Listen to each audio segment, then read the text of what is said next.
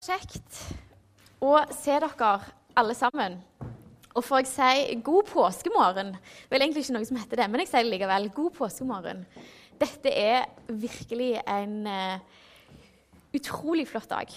En festdag uten sidestykke, rett og slett. Uh, mitt navn er Andrea. Jeg er med i forkynnerteamet her i menigheten, og jeg er så heldig at uh, jeg òg får være med som leder for studentarbeidet. Utrolig kjekt. Og veldig stas, syns jeg, å få være sammen med dere her i formiddag. Jeg håper at dere har hatt en god påske så langt. At dere har eh, fått slappet av.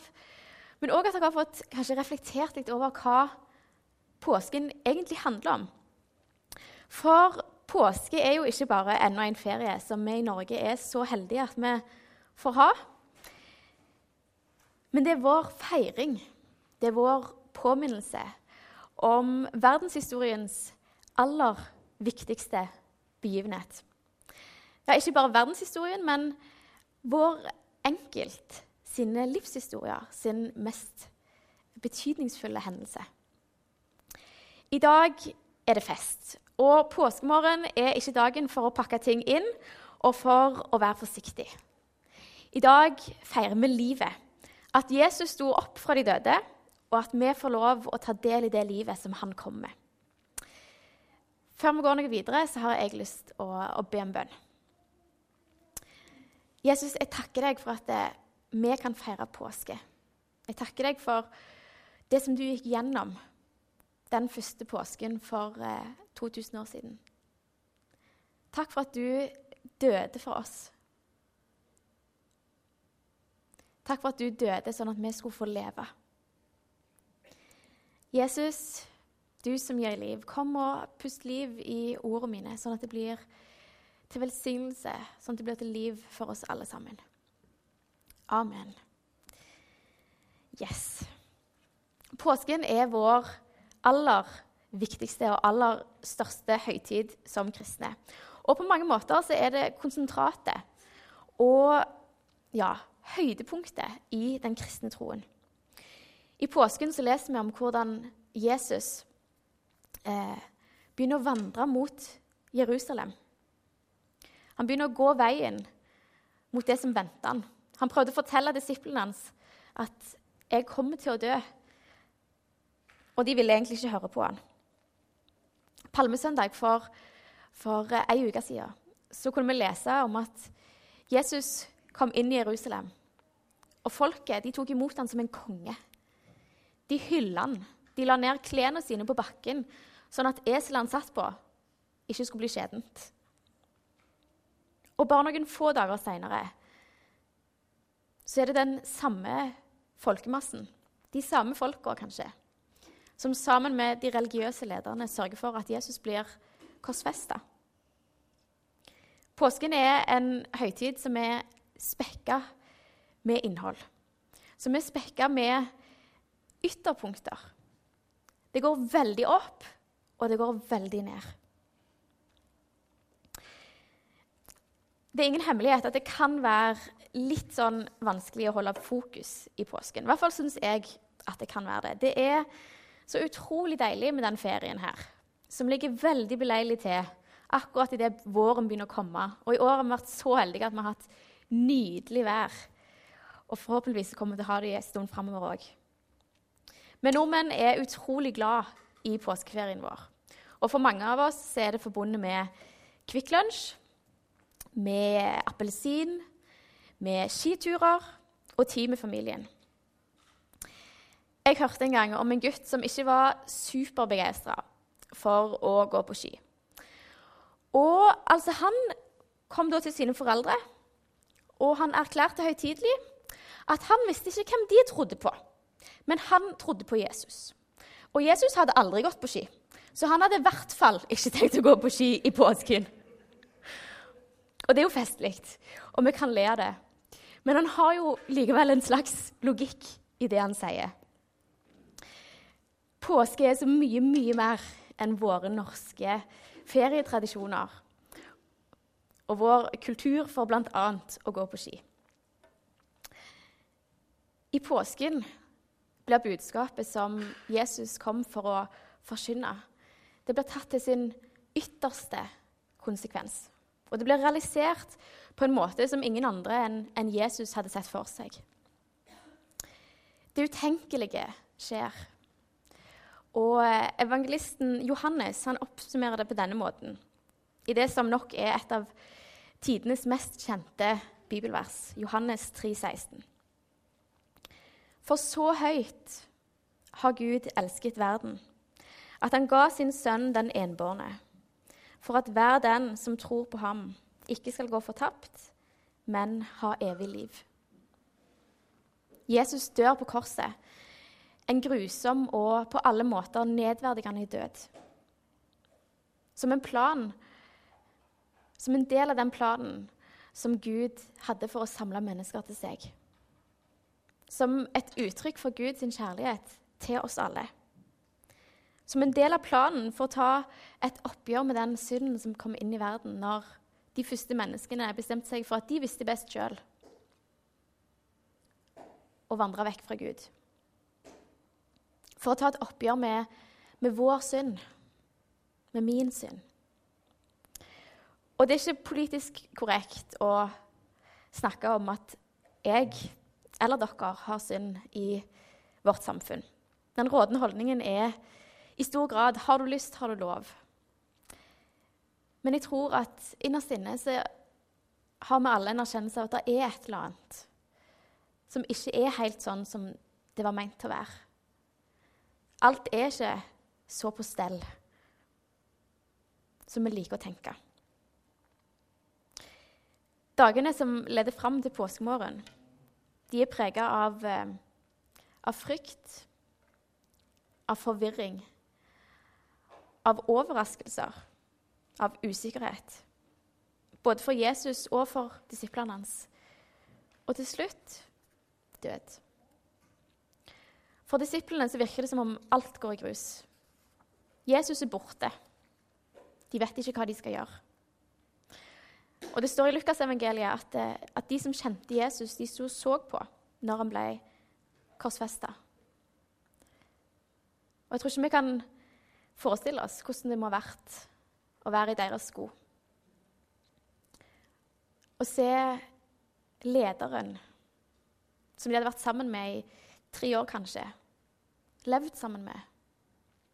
Læreren som de hadde fått så utrolig mye kunnskap av vennen som de hadde fått bli kjent med, dør rett foran øynene på dem. Og sånn slutter beretningen på langfredag. Men det slutter heldigvis ikke der. Takk og lov. Og i dag er vi så heldige at vi får lese fra fortsettelsen, det som kommer etterpå påskemorgen. Og vi skal lese fra Lukas 24, vers 1-8. Ved daggry den første dagen i uken kom kvinnene til graven og hadde med seg de velluktende oljene som de hadde laget i stand. Da så de at steinen var rullet fra graven. Og de gikk inn, men fant ikke Herrens kropp. De visste ikke hva de skulle tro, men med ett sto det to menn hos dem i skinnende klær. Kvinnene ble forferdet og bøyde seg med ansiktet mot jorden. Men de to sa til dem, 'Hvorfor leter dere etter den levende blant de døde?' 'Han er ikke her. Han har stått opp.' Husk hva han sa til dere mens han ennå var i Galilea. Menneskesønnen skal overgis i syndige menneskers hender og korsfestes. Og den tredje dagen skal han stå opp.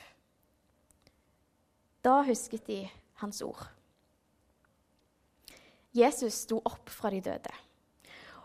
Og I de versene som følger etter det som vi nettopp leste, så ser vi det at det, verken disse damene som kom først til grava, eller de andre disiplene, de skjønte veldig lite egentlig av det som skjedde. Det var ikke så mye som falt på plass før Jesus viste seg for dem når han begynte å eh, forklare det til dem, når han åpna øynene deres. Apostlene de trodde først at det, dette her var bare rykter. Det var bare løst snakk. Bare tull. Og disse damene som kom til den tomme grava, de trengte at engler minnet dem om at dette her med at han både skulle dø og stå opp igjen, det var noe Jesus sjøl hadde det fortalt dem.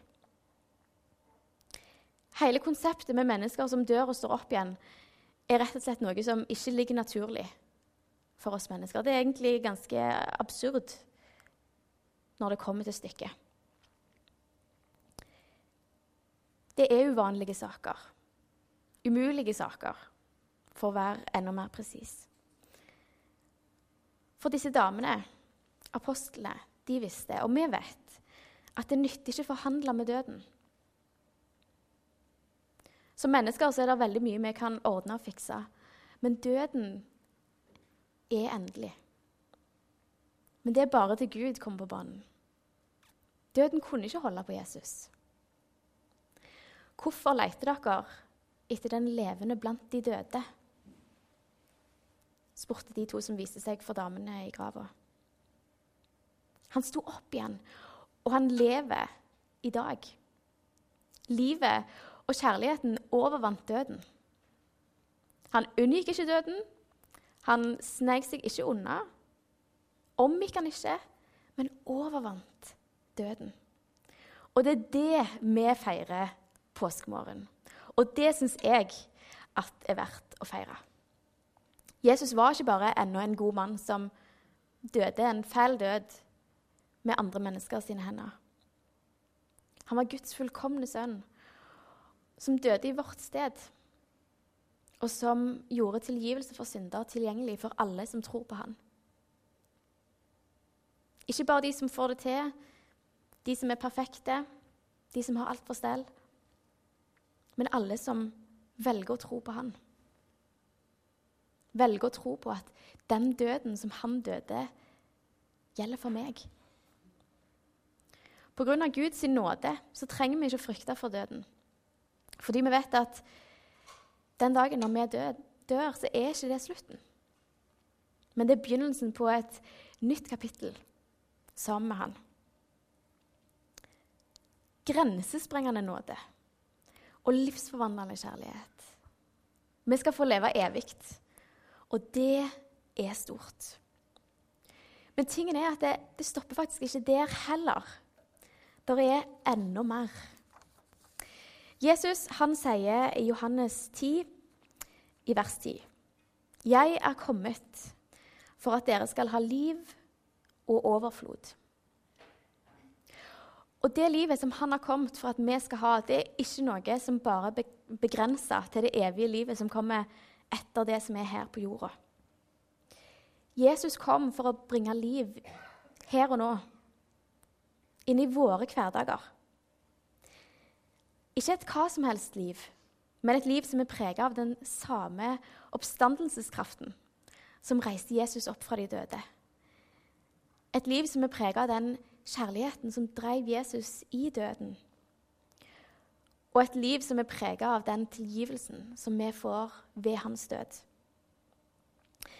Apostelen Paulus han skriver til menigheten i Efesus i Efeserbrevet 1, vers 18-20 må Han gi dere lys til hjertets øyne, så dere får innsikt i det håp Han har kalt dere til, hvor, hans, hvor rik og herlig Hans erv er for de hellige, og hvor overveldende Hans kraft er hos oss som tror. Med denne veldige makt og styrke reiste han Kristus opp fra de døde og satte ham ved sin høyre hånd i himmelen. Kort oppsummert den samme kraften som reiste Jesus opp fra de døde, er tilgjengelig for de som tror.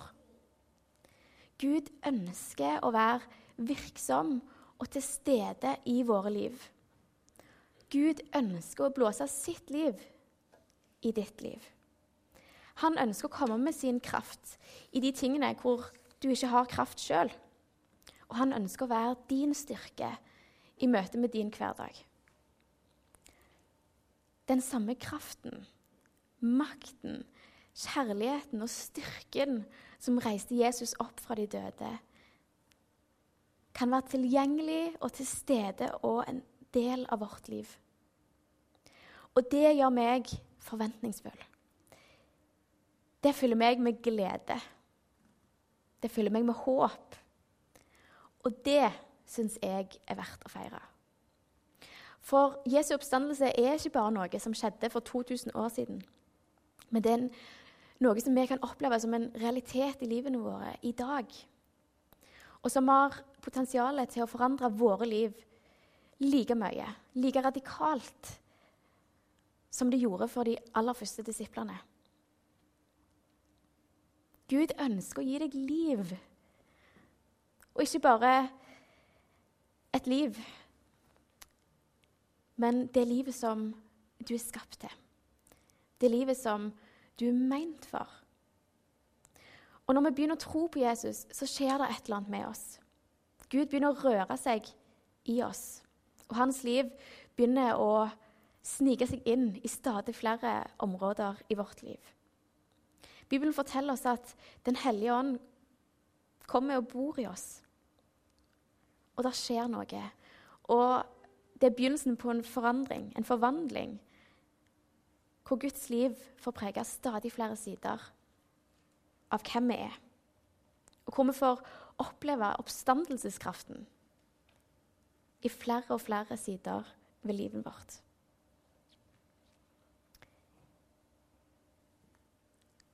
Hva er områdene i ditt liv hvor du ønsker at Gud skal komme og puste sitt liv?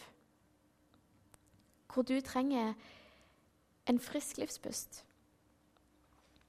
Kanskje har du noen ting i din hverdag som, som du tenker at du skulle ønsket var annerledes, men du vet bare ikke helt hva eller hvordan.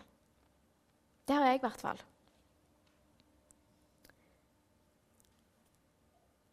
Kanskje ønsker du bare at, at Gud skal få enda mer plass i livet ditt.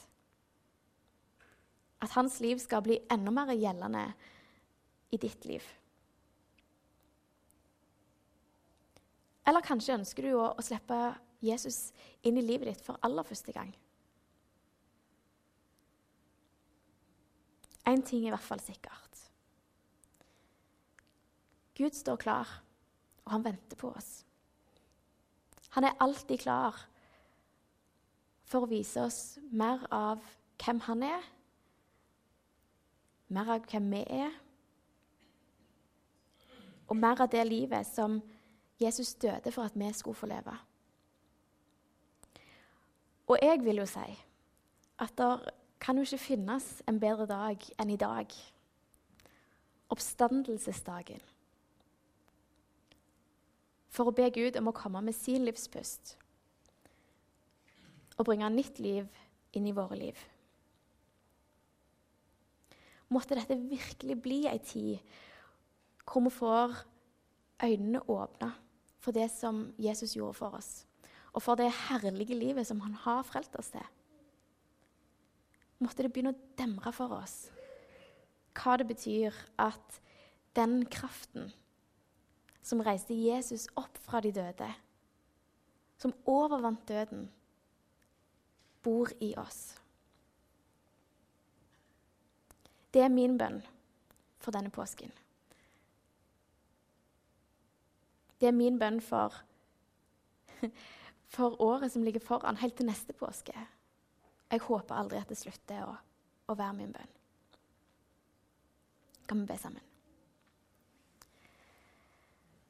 Jesus, takk for det som du gjorde på korset. Takk for at du kom for å, å bringe liv. Takk for at vi ved din død kan få ta del i det livet. Jesus, jeg ber om at du må vise oss hva det vil si å leve et liv i din kraft. Amen.